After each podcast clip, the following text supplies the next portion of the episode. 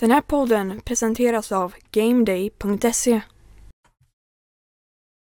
Välkommen tillbaka till NFL Supporter Dokumentär. Podden där vi gräver i det förgångna och låter någon gammal historia få ett varv till i rampljuset. Innan vi drar igång så tänkte jag bara att vi kunde nämna att det görs ju även lite andra poddar från eh, NFL Supporter. Vi har ju veckans NFL, veckans college och veckans fantasy för de som är intresserade av detta. De hittar ni lättast på de ställen där ni vanligtvis hittar poddar.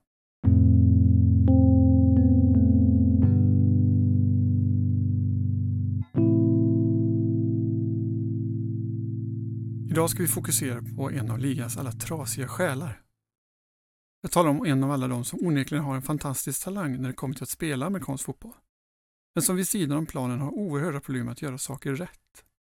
Vi andra tycker att det inte borde vara så där svårt att leva på den feta lönen och bilda familj i lugn och ro. Då agerar dessa individer precis tvärtom. Droger och alkohol i överflöd, slagsmål på nattklubbar och familjer som splittras i kölvattnet av stjärnans odrägliga beteende. Skandalerna vill verkligen dra sig till dessa personer. Det som gör det här avsnittet lite speciellt är att vi ska avvika från ämnet en aning. Visst är vår huvudperson en legend i NFL, men idag ska vi inte fokusera på hans aktiva år inom den amerikanska fotbollen. Nej, idag ska vi ta oss en titt på när Mark Gastineau som 36-åring fick den tveksamma idén att han skulle börja med boxning. Att New York Jets gamle pass rusher skulle dyka upp i den här poddserien var tämligen självklart. Frågan var egentligen bara när. Hela hans liv är och förblir fullt utav stickspår, skandaler och dramatik.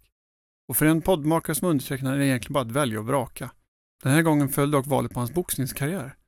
En historia som är precis så absurd som det låter och som innehåller lite av det mesta. Lögner, svek, galenskap och ond, bråd död.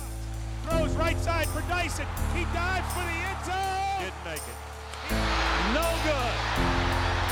Wide right. Just win, baby. Due to the various uncertainties surrounding my position as it relates to the team's new ownership, um, I've decided to resign as the head coach of the New York only Jets. four words. This one's for John. Men innan vi ger oss in i boxningsringen så kanske vi ska ta det hela från första början. Mest så att vi får lite grepp om vem Mark Gastineau var, eller snarare är, och försöka förstå lite hur han kunde hamna i en boxningsring som titeltörstande tungviktsboxare i början av 1990-talet.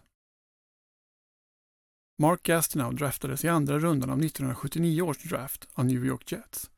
Tillsammans med Joe Klecko, Marty Lyons och Abdul Salam bildade han 80-talets kanske mest ikoniska defensiva linje. Tillsammans skapade de tumult vart de än kom och var alla quarterbacks stora skräck. 1981 så stod de för hela 66 sacks, varav Gastineau stod för 20 av dessa. Kvartettens framfart gjorde att de fick ett smeknamn som, i mitt tycke, hör till en av NFL-historiens snyggaste. The New York Sack Exchange. Klecko kom att missa 1982 års säsong, vilket gjorde att Gastineau fick möjlighet att kliva fram ytterligare som ledare för Jets försvar. Gastineau hade konstant två gubbar på sig, men lyckades trots detta stå för sex sacks denna säsong. Laget tog sig ända till konferensfinal, där de tyvärr förlorade. Men Gastineau hyllades för sina insatser och valdes efter säsongen till årets defensiva spelare. Gastineaus karriär fortsatte sedan mer eller mindre på den inslagna vägen och 1983 års säsong blev på 19 sacks och kulminerade med 22 sacks 1984. Ett rekord som stod sig i 17 år fram till 2001 då Michael Strahan lyckades stå för 22,5 sacks. Ett rekord som Gastineau än idag lobbar för att NFL ska stryka. Detta eftersom Brett Favre la sig tämligen frivilligt på Strahans sista sack. Det där med att Gastineau klagar på att någon lägger sig frivilligt, det, ja, det finns väl en viss ironi i det. Men vi kommer återkomma till detta. Hur som haver så var Gastineau på toppen av sin karriär 1984. Och allt skulle kunna tyckas vara tipptopp. Han var en välbetald superstjärna i New York med fru och barn. Kan det bli bättre? Nej, det kunde det inte direkt. För allt medan karriären på planen flöt på som du tänkt sig, så stod det relativt tidigt klart för Jets ledning att Gastineau inte var den mest exemplariska vid sidan om planen. Första skandalen kom redan 1984, då han slog ner en person på Studio 54 i New York. Och på den vägen rullade det egentligen på. Skandalerna i form av misshandel och kvinnohistorier, ja de avlöste varandra och inte blev det bättre när han 1987 slog armarna runt Sylvester Stallones exfru, Birgit Nielsen. Den yppiga danska B-filmsdrottningen. Paret annonserade snabbt sin trolovning och meddelade att de skulle gifta sig så fort de båda var skilda från sina ex. Som om inte detta vore nog så chockade Gassina och idrottsvärlden 1988 när han plötsligt meddelade att han skulle sluta med fotbollen. Detta trots att 1988 års säsong hade börjat fenomenalt bra för den gamla passrushen, som återigen presterade som på gamla dagar. Den officiella förklaringen till detta hastiga avhopp var att Nielsen hade diagnostiserats med cancer och att Gastineau ville vara vid hennes sida till 100%. Med åren har det dock framkommit att sjukdom eventuellt var en skenmanöver för att lämna sporten med huvudet högt. Ligan hade i slutet av 1980-talet börjat testa för anabola steroider och Gastineau sägs ha varit rädd för att bli påkommen och riskerade genom detta att lämna sporten med en livstids avstängning. Något som naturligtvis hade påverkat hans eftermäle.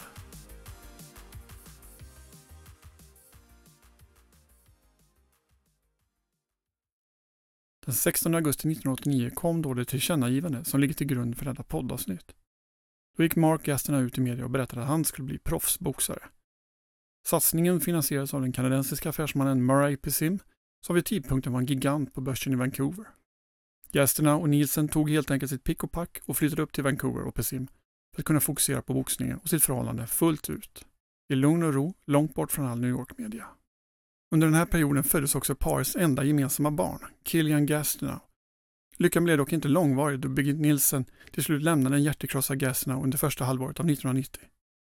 Medan Nielsen och barnet begav sig till Rom för en lukrativt filmerbjudande så stannade Gastineau kvar i Vancouver och gjorde här ett sista försök med fotbollen i den kanadensiska ligan.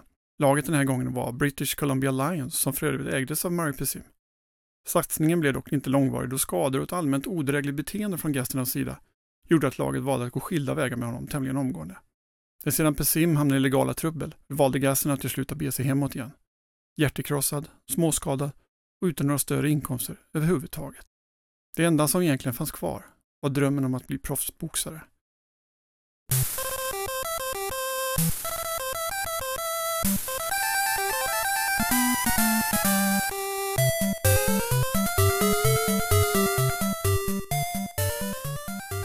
Hemma i New York började Gaston att träna med Floyd Pattersons gamle tränare Jimmy Glenn. Styrkan var det minsann inget fel på. Det hade han från fotbollen. Men tekniken behövde putsas rejält. Han skulle trots allt ge sig in i en bransch där alla motståndare boxas sedan barnsben och hade tekniken i blodet. Det skulle bli tufft, vilket Gaston även erkände i media. Jag vet att folk kommer skratta åt mig, men jag gör detta med yttersta respekt för sporten. Jag kommer vara en underdog, men jag gillar oddsen, sa han. Men vad var det egentligen som drev Gaston till denna satsning? Det är tämligen oklart. Kanske fanns det där en pojkdröm om att bli just proffsboxare. En dröm som hade fått ligga på vänt medan fotbollskarriären tog upp all tid. Eller var det kanske drömmen om de stora pengarna som styrde honom? Hans strulande vid sidan om planen hade onekligen satt sina spår på ekonomin. Hans exfru jagade honom för underhåll och hans gamla älskarinna hade vid det här laget stämt honom i domstol för de intäkter hon gav upp för att resa runt med gasterna under åren i Jets. Som en intressant parentes så är det tämligen sanslöst att New York Jets såg mellan fingrarna på det här. Det vill säga att en spelare hade med sig en älskarinna när laget var ute och reste. Utöver kvinnorna hade Gastineaus far gång på gång hamnat i finansiella trångmål. Ernie Gastineau var nämligen en stor entreprenör. Om man nu anser att definitionen av stor ligger i antalet projekt man genomför. Enda problemet var att dessa affärsprojekt sällan gav några intäkter. Ett dilemma som gjorde att sonen Mark ofta fick stötta upp projekt som gått överstyr. Men om det nu inte var ekonomin så kanske det finns andra anledningar. Jag tänker på alla er som är obotliga romantiker där ute. Så kanske det fanns ännu en teori. Den om att kanske bli en livslevande Rocky. Kanske vore det den bästa hämnden på Birgit Nilsen. Skulle han kanske kunna vinna tillbaka henne genom att göra sig ett namn i boxningsringen? Oavsett vad som drev Gastineau så kommer man ingenstans i boxningsvärlden utan en promotor. Och det är nu den här historien blir riktigt spännande och konstig. Som så många gånger förr när det kommer till NFL-spelare på glid så har de ofta en förmåga att välja sina kamrater, älskare och affärspartner med synnerligen dålig omsorg. Mark Gastineau var självfallet inget undantag här, utan lyckades dra till sig en person som till och med en så korrupt och galen värld som boxningen skulle komma att skaka huvudet åt. Mannen i fråga var Rick Parker, Elvis kallad. Troligtvis för att han såg ut som en otroligt dålig Elvis-imitatör. Googla gärna denna man med en bildsök så får ni se. Rick Parker var en self-made man från Springfield, Missouri. Uppväxten var tuff då pappan ofta var frånvarande på grund av diverse besök på lokala fångvårdsanstalter. Sådan far, sådan son sägs ju och unge Rick hoppade tidigt av skolan och gav sig ut i Amerika för att tjäna pengar på egen hand. Han provade bland annat på livet som säljare där han sålde allt mellan munskölj och borttagningsmedel och ibland kunde medlet även tjänstgöra som båda. Hans mest framgångsrika jobb var dock som biljardspelare på landets olika biljardhallar. Ett jobb som ibland kunde inbringa upp till 10 000 dollar på en kväll enligt huvudpersonen själv. Tyvärr fick han efter ett tag lägga ner denna karriär då hans motspelare ofta, med all rätt, kände sig blåsta. När de dessutom började dyka upp till biljardsalongerna med automatvapen så kände den unga Rick att det kanske var dags för ett miljöombyte. Och så där höll Rick Parker på. Han lurade folk och tog sig fram i livet så gott det gick. Alltid med en räv bakom örat. Alltid med någon ny lurig affär på gång. Vändningen, eller en typ av sådan i alla fall, skedde när han av en slump hamnade jämte den legendariske boxningspromotorn Don King på ett flygplan från Las Vegas. King förklarade då att man borde satsa på att bli manager eller promotor. Rock'n'roll-branschen? Nej, den är för mesar. Nej, det var ju i boxningen man skulle vara om man ville tjäna de riktigt stora pengarna. Framförallt i tungviktsboxningen. När väl Rick Elvis Parker klev av det planet den dagen så var det som en mer eller mindre nyfrälst man.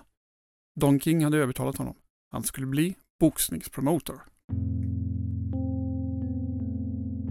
Om man på något vis skulle försöka visualisera Rick Parker så kan man säga att han var en karikatyr på en boxningspromotor. Visst, Don King är även han en ganska lustig personlighet med mycket luriga affärer. Men Parker var alltid där i kvadrat. Parker hade dyra vanor, kvinnor, droger och limousiner i överflöd. Och om inte hans leverne drog till sig blickarna så gjorde hans yttre det. Ett stort rött hår och gigantiska solbriller gjorde honom svårglömd om man säger så.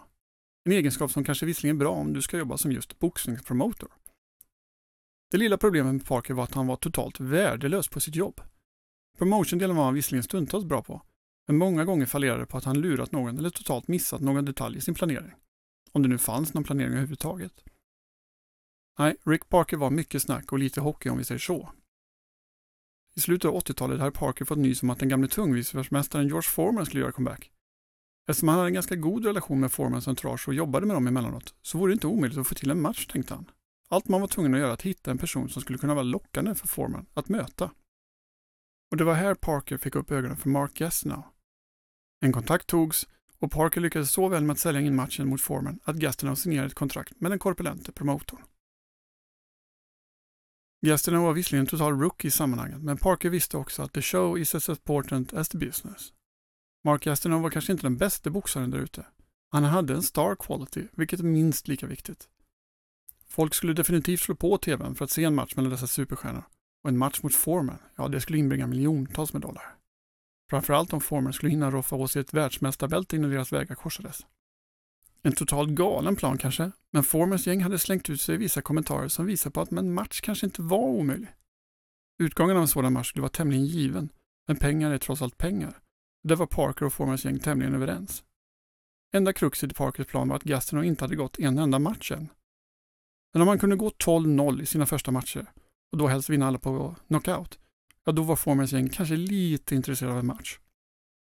Parkers jobb blev helt enkelt att hitta 12 motståndare som Gastineau skulle kunna slå och dessutom göra det tämligen snabbt och enkelt och imponerande.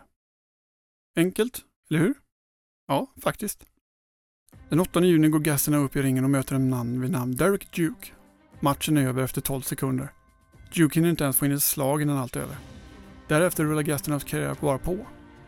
Mike Ackling klarar sig i två ronder innan han går i golvet. Tim Murphy likaså.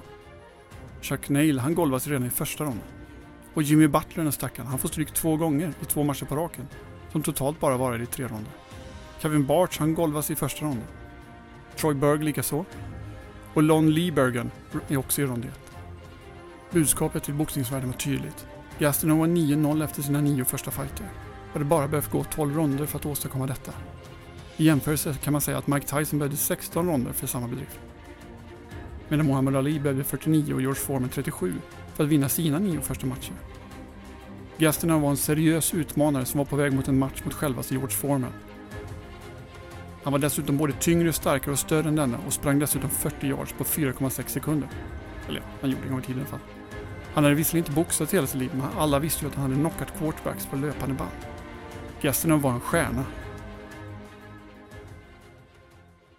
Han kunde varit det om allt det där var sant. För var det något som Rick Parker hade lärt sig av Don King och de andra kollegorna i branschen så var det det där att det som publiken såg och den egentliga sanningen var två vitt skilda saker. Gastelum vann visserligen sina första matcher, men redan efter den första matchen började skeptikerna spekulera att Derek Duke hade knockats lite väl enkelt. Och var inte han wrestlare egentligen? De är ju kända för att lägga sig i fighter, eller? Mm. Former New York Jets football star Mark Gastineau remains in the limelight thanks to some recent fistfights one allegedly in a Long Island barroom, another in a boxing ring. This infamous 12-second bout in Salem, Virginia, was marred by allegations that it was fixed and that Gastineau's opponent, a professional wrestler, took a dive.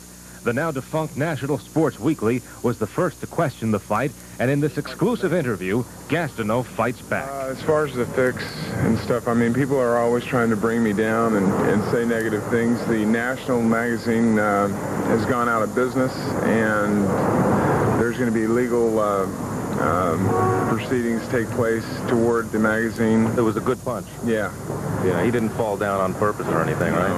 no, not at all. The Virginia Athletic Board has cleared Gastineau of any wrongdoing. The board's assistant director issued a statement saying he's spoken with the referee and the ringside physician. Both say real punches knocked out Derek Dukes. Gastineau says he'll box again next month in Miami. Den egentliga sanningen bakom Gastineau var att han var en deppig själ utan något större självförtroende. Fullpumpad med anabola. Hans talang i boxningsringen var tämligen obefintlig, vilket gjorde att Parker mycket riktigt hade fått rigga matcher för att få honom dit han ville. Med tanke på att Parkers mål var en match mot Foreman så gällde det mer eller mindre att få Gastineau till 12-0 i matcher och en fet pengamatch mot Foreman innan boxningsvärlden skulle hinna reagera på vad de egentligen höll på med. Här fanns inga planer på någon längre karriär. Nej, planen var som sagt mycket enkel. Skaffa Gastineau ett CV så fort det bara går och låt honom sedan bli halvt ihjälslagen mot Foreman. Därefter skulle de båda kunna dra sig tillbaka med feta bankkonton. Så för att nå drömmen blev Parker tvungen att runda några hörn helt enkelt. Dirk Dukes, som Gastineau mötte i första matchen, han var mycket riktigt en gammal fribrottare som Parker valde ut enkom på hans goda förmåga att ta regi om vi säger så. Att matchen varade i endast 12 sekunder var också noga uträknat.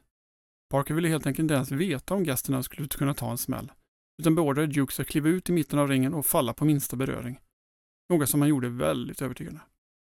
Och så där fortsatte det egentligen helt enkelt. En efter en betes den ena mutade boxaren av efter den andra.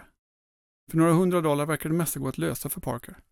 Problemet var dock att rättvisan och USAs journalistkår var de på spåren. Firma Gastineau och Parker behöver på något vis öka sin trovärdighet. Och det är rejält. Parker insåg vid det här laget att man inte kunde anlita billiga motståndare till Gastineau längre. Han behövde någon som ändå gjort sig ett namn i boxningsringen. Parker tog då det ödesdigra beslutet att arrangera en match mellan Tim Doc Anderson och Gastineau. Anderson var en gammal bekant till Parker och en gång i tiden hade han båda varit adept och livvakt till Parker. Anderson var en rutinerad boxare, men hade aldrig slagit igenom till fullo. Trots det så var han ett känt namn i boxningsvärlden genom att han har varit George Formans sparringpartner. Om han kunde lägga sig en match och sedan efteråt vittna inför pressen att Gastineau slog hårdare än Forman, ja då skulle lyckan vara gjord, eller? Då kunde ingen tveka längre. Precis som många av Parkers planer så var inte heller den här särdeles genomtänkt. En läggmatch kräver trots allt att det finns en viss uns av förtroende mellan alla parter. Och Parker och Anderson hade trots allt gått skilda vägar på ett minst sagt stormigt sätt.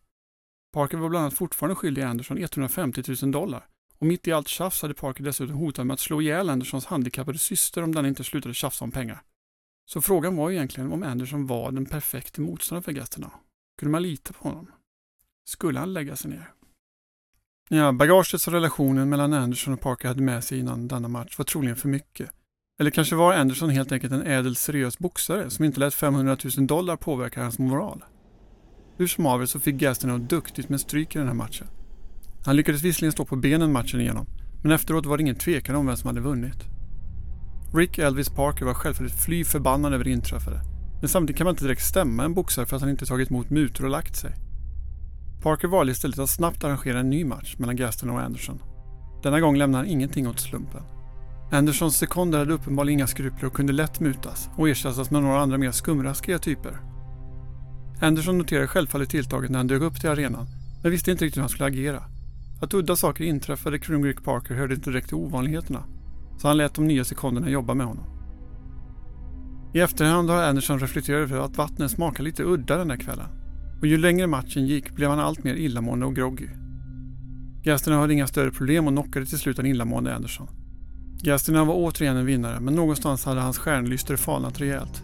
Han var trots allt inte obesegrad och den första matchen mot Anderson hade tydligt visat vilken usel boxare han egentligen var. Anklagelsen om matchfixning växte sig allt starkare och Formans gäng var inte längre intresserade av någon match utan de distanserade sig allt mer från Gasterna.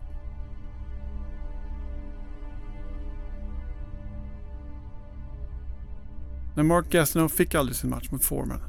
Men han gick ytterligare fyra matcher i sin karriär. Men när han 1996 förlorade mot den gamla NFL-kollegan Alonso Highsmith så kände till och med Gastineau att det var dags att lägga handskarna på hyllan för gott. Tyvärr så slutade han inte att slåss med folk helt utan år 2000 dömdes han till 18 månaders fängelse efter att ha slagit sin andra fru Patricia. Under fängelsetiden fann Gastineau Gud och lever idag som en troende kristen. Det turbulenta livet verkar han ha lämnat bakom sig och han lever idag i New York med sin tredje fru Joanne. Fortfarande lite sur för att han inte längre har sackrekordet i NFL. Men hur gick det då med de andra karaktärerna i den här historien? Ja, trots fängelsestraff och andra hälsoproblem så var Gastineau trots allt den som klarade sig bäst från de ödesdigra åren i början av 1990-talet. Tim Doc Anderson återhämtade sig aldrig från den andra matchen mot Gastineau. Efter matchens slut hittades han av vaktmästaren i omklädningsrummet efter att ha däckat i sina egna spyor. Anledningen till det inträffade var att Rick Parker hade spetsat hans vatten under matchen med ett gift. Allt för att underlätta för Gaston att vinna matchen. Tyvärr för Anderson så satt sviterna efter förgiftningen i länge och han hade flera år problem med både balans och illamående. Relationen mellan han och Parker blev självfallet inte bättre utan de fortsatte att bråka om det inträffade och de pengar som Parker var skyldig Anderson. Men framförallt så ville Anderson veta vad det var för gift han fått i sig. Så han inte skulle dö av sviterna. Den 28 april stämde de båda möte och Anderson tog med sig en bandspelare samt Parkers syster och son som vittnen utifall att samtalet skulle gå helt överstyr. När samtalstonen mellan de båda männen blev allt hetsigare så lämnade systern och sonen rummet. När Parker återigen började mordhota Andersons handikappade syster så rann det över för Anderson som tömde sin revolver i Parker. Rick Parker dog direkt. Tim Doc Anderson avtjänar idag ett livstidsstraff men flertalet personer hävdar att rättegången mot honom var felaktig. Anderson har aldrig nekat att han sköt Parker men menar än idag att det inte var planerat mord.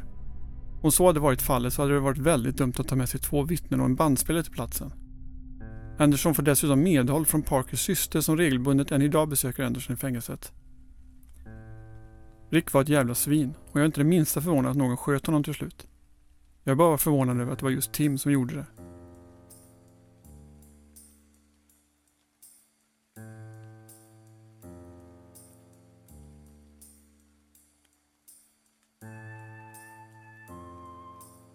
Det där var alltså historien om Mark Gastenaus lite udda boxningskarriär i början av 1990-talet. Nästa gång blir det ett helt annat ämne och om du har något bra förslag på vad vi ska ta upp här, som, eller något ämne som du kanske har saknat sedan tidigare, så är du välkommen att mejla in till oss på info.nflsupporter.se info.nflsupporter.se Jag som gjort programmet heter Per Fogelin och mig når du enklast på Twitter på @fogelinper.